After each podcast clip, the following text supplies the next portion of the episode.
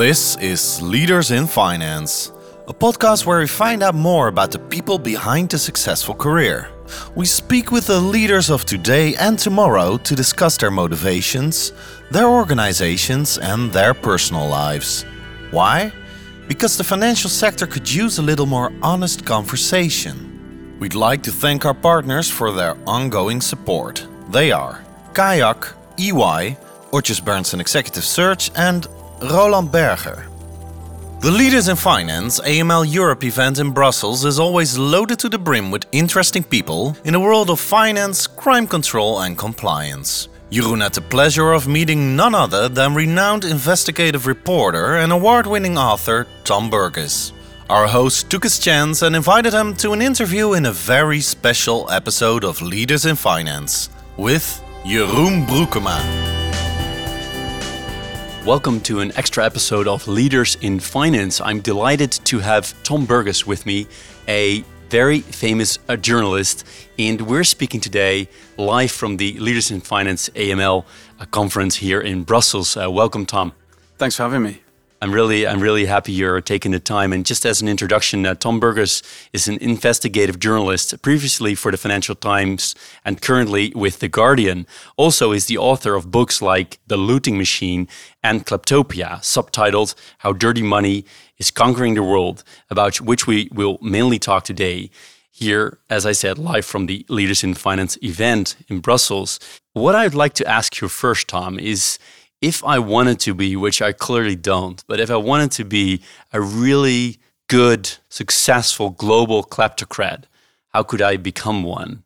And I don't want to be funny because this is a very, very serious topic, but I just wanted to ask you if I wanted to, what yeah. should I do? I'm not sure you, you have the required ruthless cruelty, but uh, leaving that aside for a moment, um, I think you need three things. You need something, um, one aspect of it is geology, one comes from the Nazis, and uh, one comes from a quirk of global finance. So start with the geology. That's just the role of the um, natural dice. Overwhelmingly, kleptocrats have access to uh, oil, gas, or natural resources. Essentially, there are a handful of developed democracies, and practically every other country is more or less a kleptocracy, which is to say that political power, the main purpose of political power is to enrich those who hold it. Now, in, let's say, the Netherlands, there's a contract between the rulers and the ruled that comes from the tax system. Right, you have, that. there's no representation without taxation to turn the old phrase on its head. So if the people of the Netherlands were to decide tomorrow that they had no faith in their political class, they could collectively cease to fund the government and the government would stop working. They have that power to withdraw that consent. In Nigeria, where I used to live, it's the other way around. Nigeria, um, the, the vast majority of its foreign income, if it's hard currency, comes from selling oil. Oil is sold under licenses given by whoever holds power. There's no need for the people who rule Nigeria to have any sort of contract with the 180 million odd rest of the Nigerians. There's no tax system to speak of, not one that functions anyway. It's just a case of gaining hold of that pot of oil money that comes in in royalties and bribes from um, multinational oil companies. So the system of accountability in politics is turned completely upside down. You look at look at Congo, look at Russia, look at Kazakhstan, Uzbekistan, Azerbaijan, Venezuela, Iran, Iraq, and so on and so on and so on. That's the model. Now, in order, so in order to be um, a sort of world class kleptocrat, you need to have access to that. You need to have physical control over some natural resources that the global industrialized economy will pay, will bribe you for personally, and will pay your government for in, in royalties. Number one. Number two, you need something that was discovered by um, a brilliant man called uh, Ernst Fraenkel in during the, the, early 30s in Nazi Germany. He's a Jewish lawyer who, who got out just in time in the end and smuggled out with him a copy of the book he'd been working on called the um, the Dual State. And what he realized was that there was a there were two parallel systems in Nazi Germany. This is before the point it turned into a full-on totalitarian system. There was an outward face that looked pretty normal, functioning courts that could take decisions and could rule on generally matters of commerce, right? The idea was to let capitalism keep going to fund the rearmament. But you had to have rules of the game. You wanted investors to invest their money, all the sort of stuff that the World Bank goes around the world saying these days. And that, by and large, was just allowed to, to, to, to continue. But, and that was what Fraenkel called the normative state. It's got norms, it's got rules. Hidden in the background, you have the prerogative state. which is essentially the Nazi machinery and the SS and the Gestapo. And at any minute, the prerogative state can reach into the normative state and grab you. So if there's a judgment about business that suddenly impinges on the, so let's say, the corrupt interests of someone in the Gestapo, they can use their arbitrary power to do whatever they want to, and you're off to a concentration camp then. So if you want to be um, a dictator today, the Kazakh dictator Sultan Nazarbayev is a very good example of this. You have to have this dual system, where on the one hand you can have an interface with the global economy which likes to think of itself as being very legitimate and conducting legitimate business. So you can deal with big oil companies and big mining companies and big banks and things like this. And everyone can keep a straight face and convince themselves this is all just kind of legitimate commerce. Like, for example, in your book, you describe that he is going to the UK to one of the famous universities, maybe Cambridge or something, and he gives this yeah, speech, and people feel speech. like, you know, was prepared by Tony Blair, if I'm not mistaken, if, if that was that one. Yeah. Correct. And, and, and so he has to be able to maintain this face, this outward face, so that the let's call it the rules-based world, the Western-led world, can do um, can can can maintain the pretext it needs to do business with him, which is essentially to get access to Kazakhstan's raw materials. Um, but at the same time, he had to have his prerogative state. So if you cross him, you'll be tortured in the most monstrous ways. Yeah. Um, so that's the second part of what you need. You need access to your raw materials. You need access to your um, uh, you need uh, you need to construct a dual state, and then the third bit is this quirk of the financial system. No one's ever voted for financial secrecy. Right? There's never been a political party in uh, the Netherlands or the US, or for that matter in Russia, uh, that's that's that's put itself forward in an open election. Said, I think I think the solution to our problems is to allow people to operate in our economy anonymously through companies that whose owners are obscured. No one's ever made the case for that. It's a kind of weird mutation of the of the British Empire initially, and um, tax evasion by various rich Brits, and the the, the kind of um, the development of a financial secrecy industry in the outposts of the old British Empire, which used to serve the City of London's colonial interests and now just serves private interests. So this is the British Virgin Islands uh, Gibraltar, the Isle of Man, Cayman Islands, and so on, all supplying different bits of the kind of uh, different bits of camouflage that you can you can bolt together to make um, to to to, operate to, to to use as camouflage to operate in the global economy in, in secret. So that's what you need if you're a kleptocrat in order to do the crucial thing you need to achieve, which is to take your illegitimate wealth that you've pillaged um, using the power you secure through violence and turn it into legitimate looking wealth. So put it into the financial secrecy system as the, let's say, the income of a bribe that some American oil companies paid you for access to your oil field, and it comes out the other side as, let's say, the um, a legitimate property investment in Miami. Um, and that's because this is the this is the great paradox of dictatorship. At home, you have to maintain lawlessness, right? You have to be you you are the law.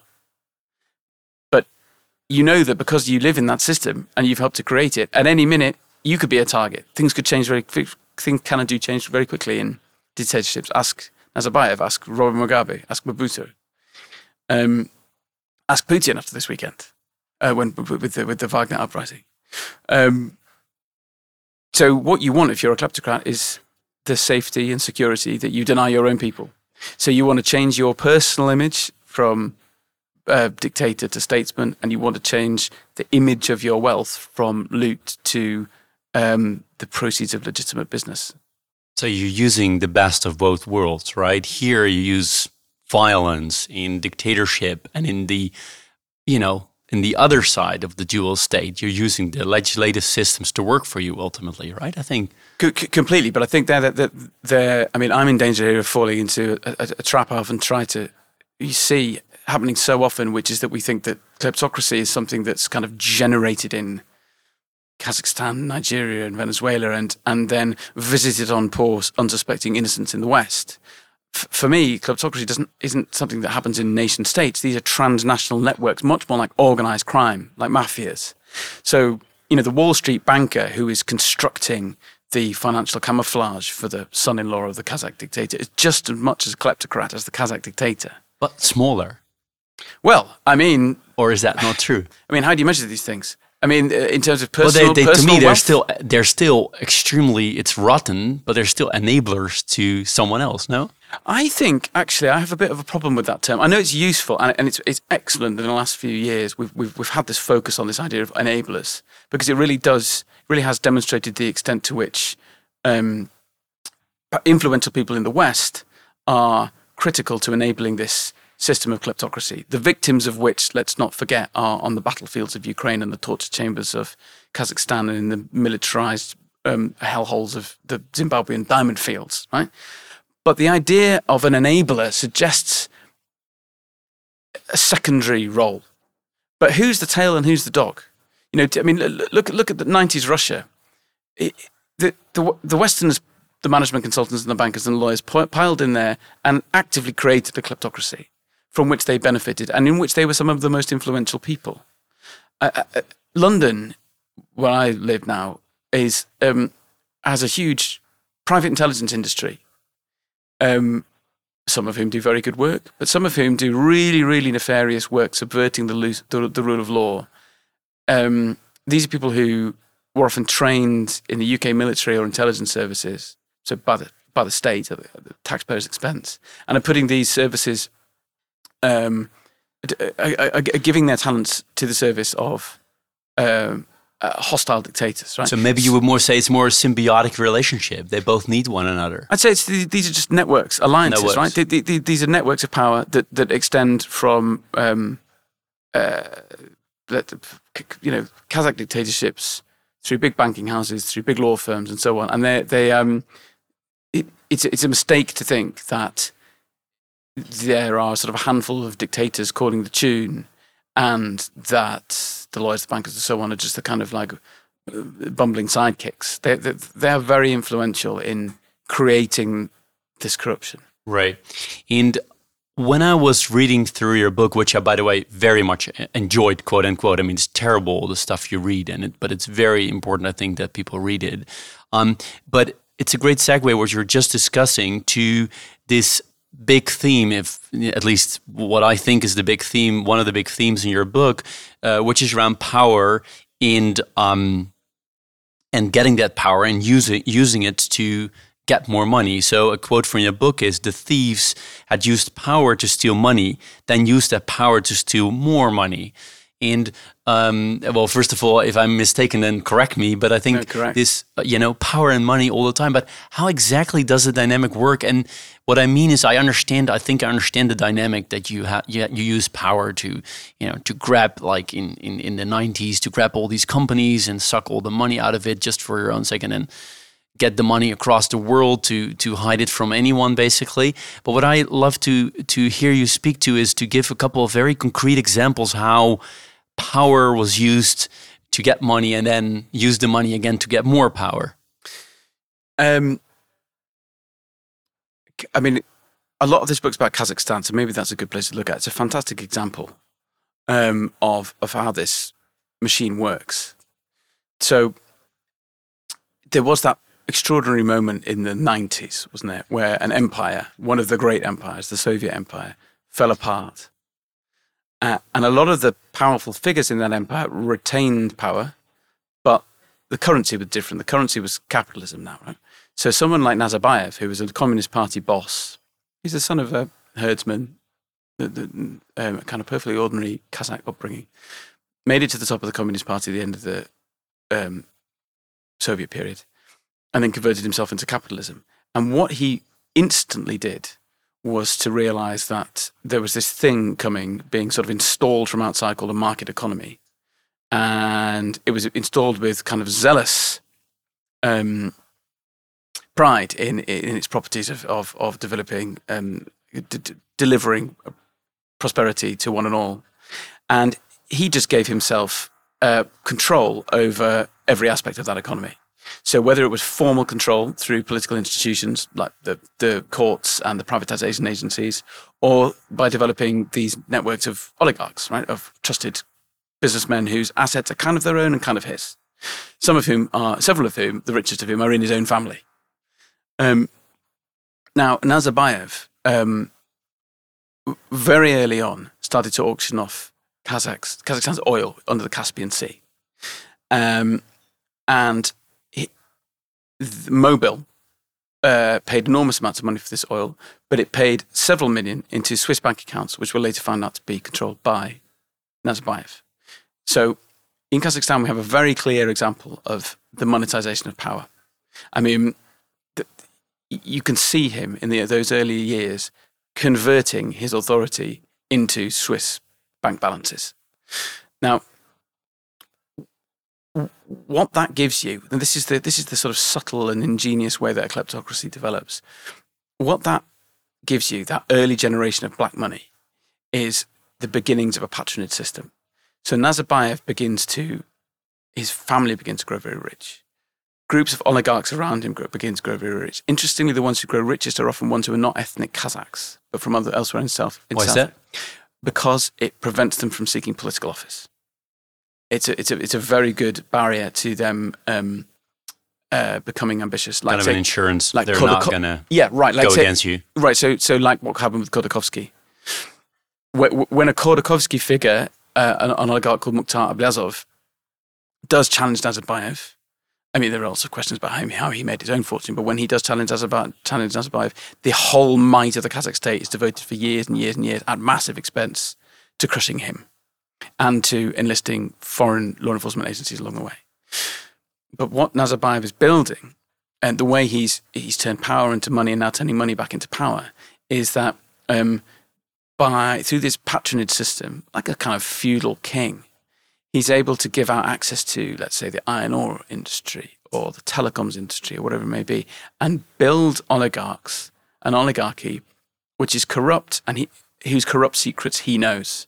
So it's also very important. Maybe I'd add a fourth to my list of what you need for the um, for, for, for, to be the you know the, the, the uber dictators. You need your you know well functioning intelligence agency that's mainly devoted to knowing the corrupt secrets of your own elite. Very much again like a mafia, so that you have them controlled. So what Nazarbayev built, and it, and it's, it's wobbled a bit lately, and he's had to sort of retire upstairs a bit. But what he built was essentially a kind of feudal patronage system where he enriched himself massively to begin with from the big bribes of the early privatizations and the early natural resource licenses. Then he built built this wider system, and occasionally he's had to throw someone out to cancel their political ambitions or as a warning to others. Um, but but but but there you see, I think, in sort of a really striking way, and it's repeated again and again and again in in um, Latin America and Africa and Eastern Europe. This this model of turning power into money, and and then using that money to to um, magnify your power. And, and the troubling thing I'd say now, just one last thought on this question.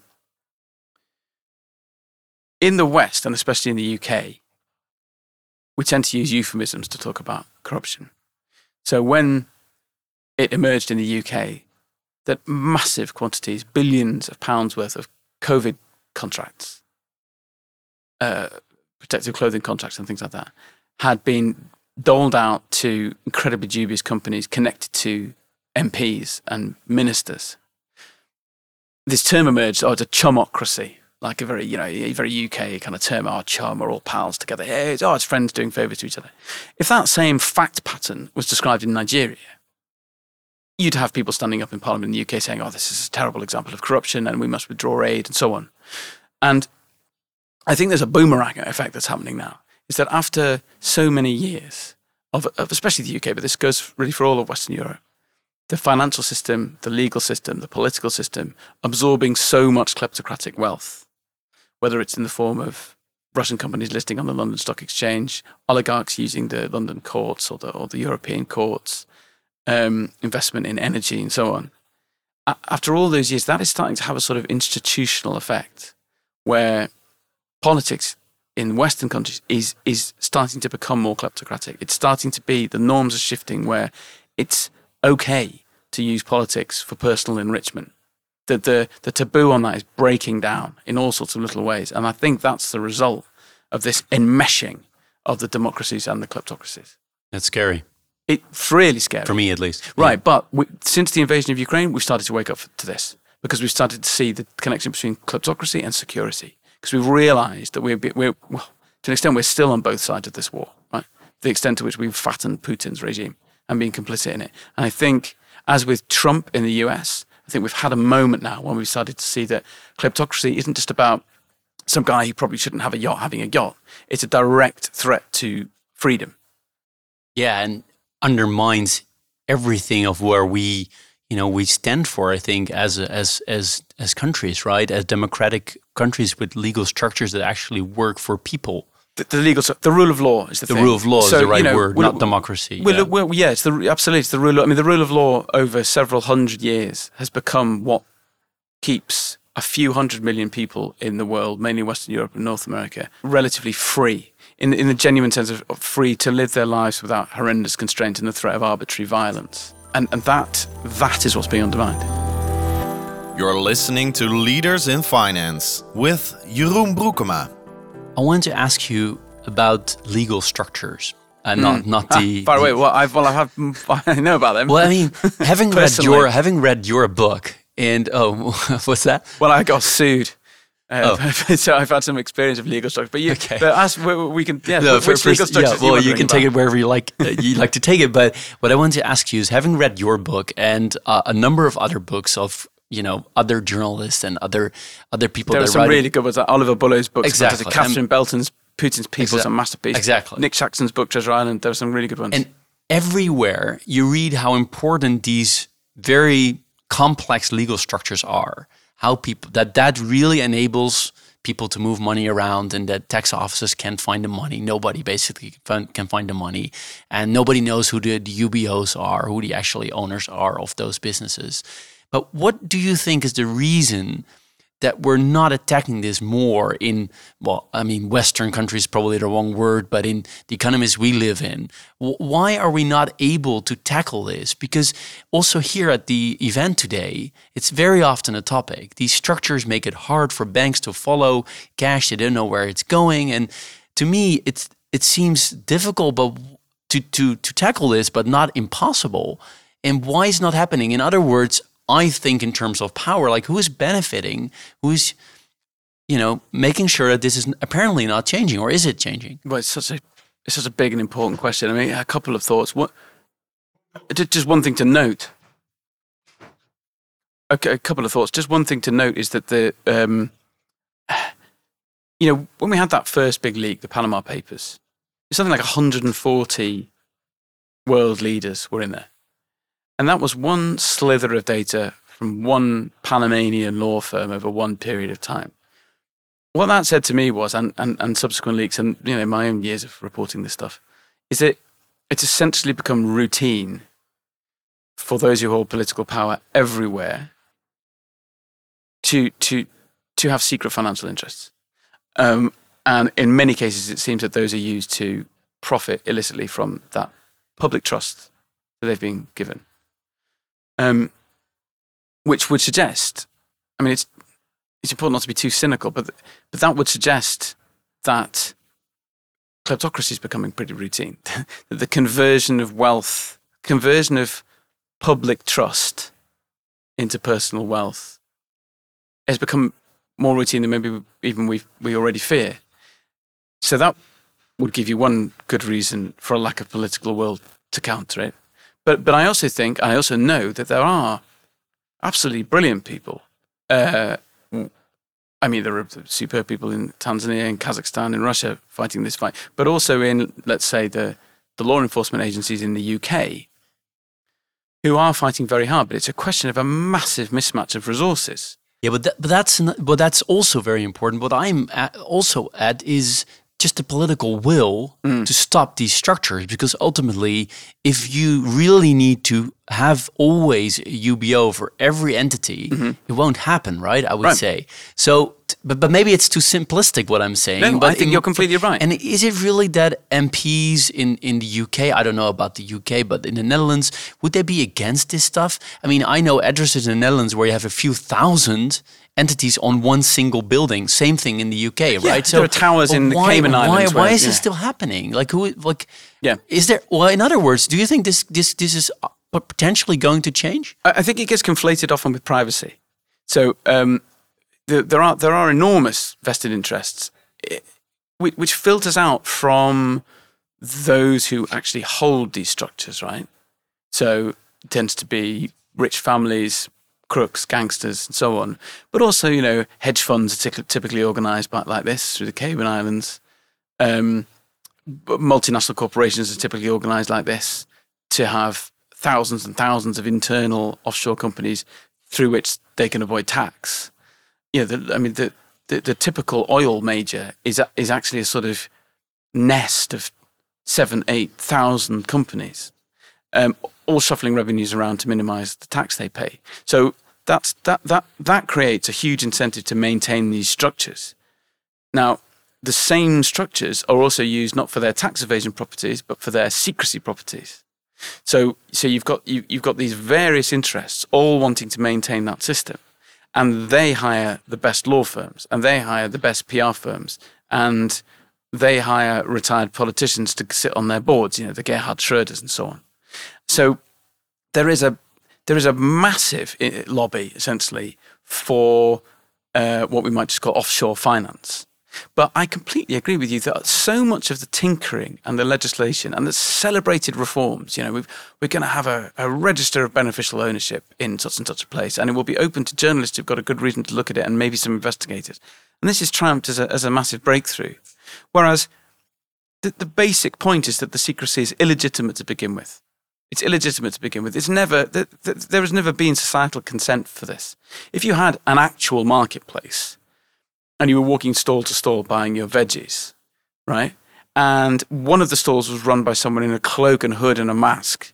You know, I'm going to buy their veggies. Are you? The, the, whole basis of trust in society is is is um, uh, uh, is is based on knowledge of your counterparty, like being able to judge someone's character and someone's reputation. That's how societies function. So the the the, the um, insidious effects of this financial secrecy system are, are absolutely devastating. Want to talk with you uh, here at the event. Eighty percent of the people, or approximately, are from banks. Want to talk with you about banks. Hmm. Um, to, you know, to what extent you have an opinion about them uh, and, and, what they do. And uh, what I find very interesting earlier this morning, there was this question um, around: Are banks really fighting financial crime, or are they just satisfying uh, uh, regulators and satisfying, um, you know, other people that want to make sure they're uh, compliant with the law? And I think about 80 or something around that number percent of the people said, no, we're really focusing on being compliant, not on actually fighting, uh, fighting financial crime. And so my first question is, um, at the Netherlands, as an example, we have around 13,000 people for you know relatively small country, 17 million people or something. 13,000 people alone in the in the major banks working on AML uh, compliance. So, do, do you think it, it is actually what they're doing does help to prevent kleptocrats or, or maybe, you know, lower level kleptocrats, but a criminal activity to prevent that from happening with all the efforts they are they are taking to to um, to um, you know look for money laundering in their systems. I mean, sadly, I think no, or, or I think the evidence suggests, even though a lot of this is very well intentioned and some of it's well designed and thought through, I don't think it has a meaningful effect in countering the rise of kleptocracy for, for several reasons, one of which we've touched on, which is that it's an impossible job, right? trying to police the financial system when people are allowed to use it in secret is an impossibly difficult task. Also, the premise here, we've got so used to it, but it's bizarre.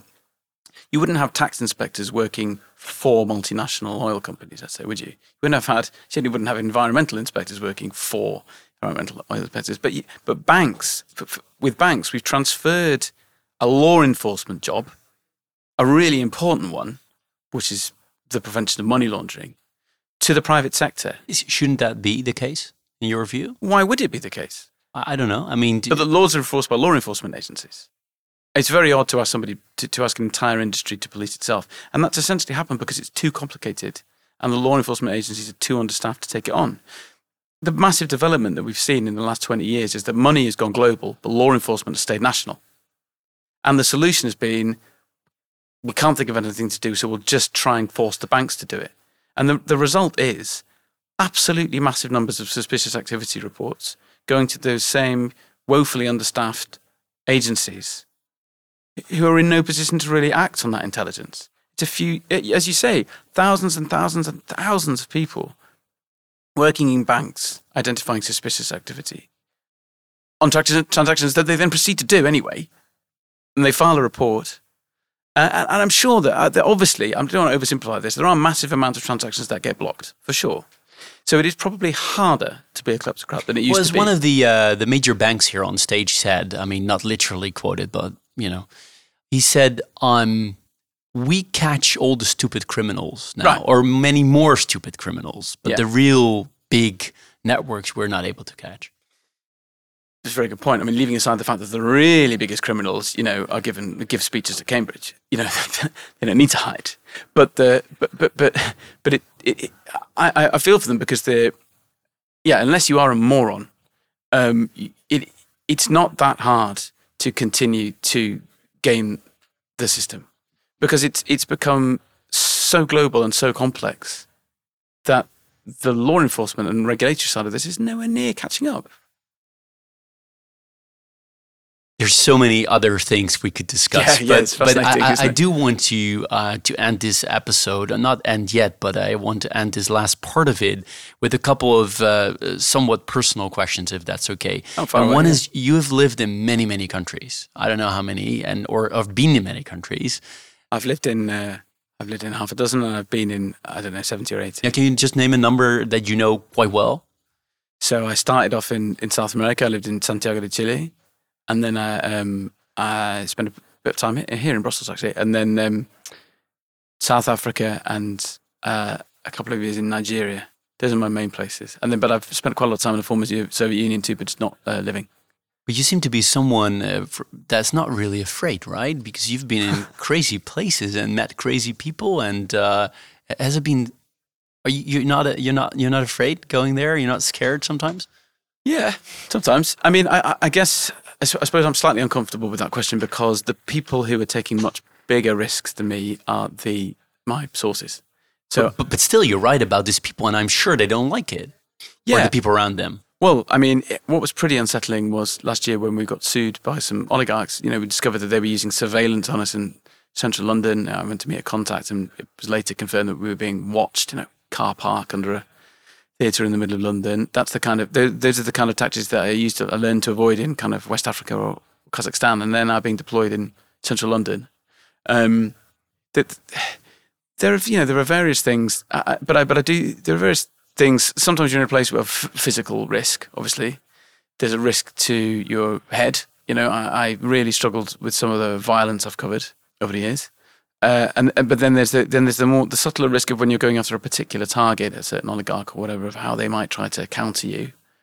I mean, all, I could be a very rich man. I mean, I'm constantly being told that such and such a guy would pay a huge amount of money for me not not to, not to write such and such a thing. But um, but I, but, Probably I, but I do write model them. you want to go for. No, um, but I, but but as I say, I think that the, the, the thing that bugs me most is that you know the, the people who trust me as sources, wherever that may be, if that's, you know, meeting in a car park in Nigeria to be given a brown envelope about ethnic cleansing, or, or it's, you know, getting a train somewhere in Europe to meet someone who knows about a kickback to the Kremlin, whatever it may be. And I've been working on some stories about witnesses in a corruption case who've been turning up dead.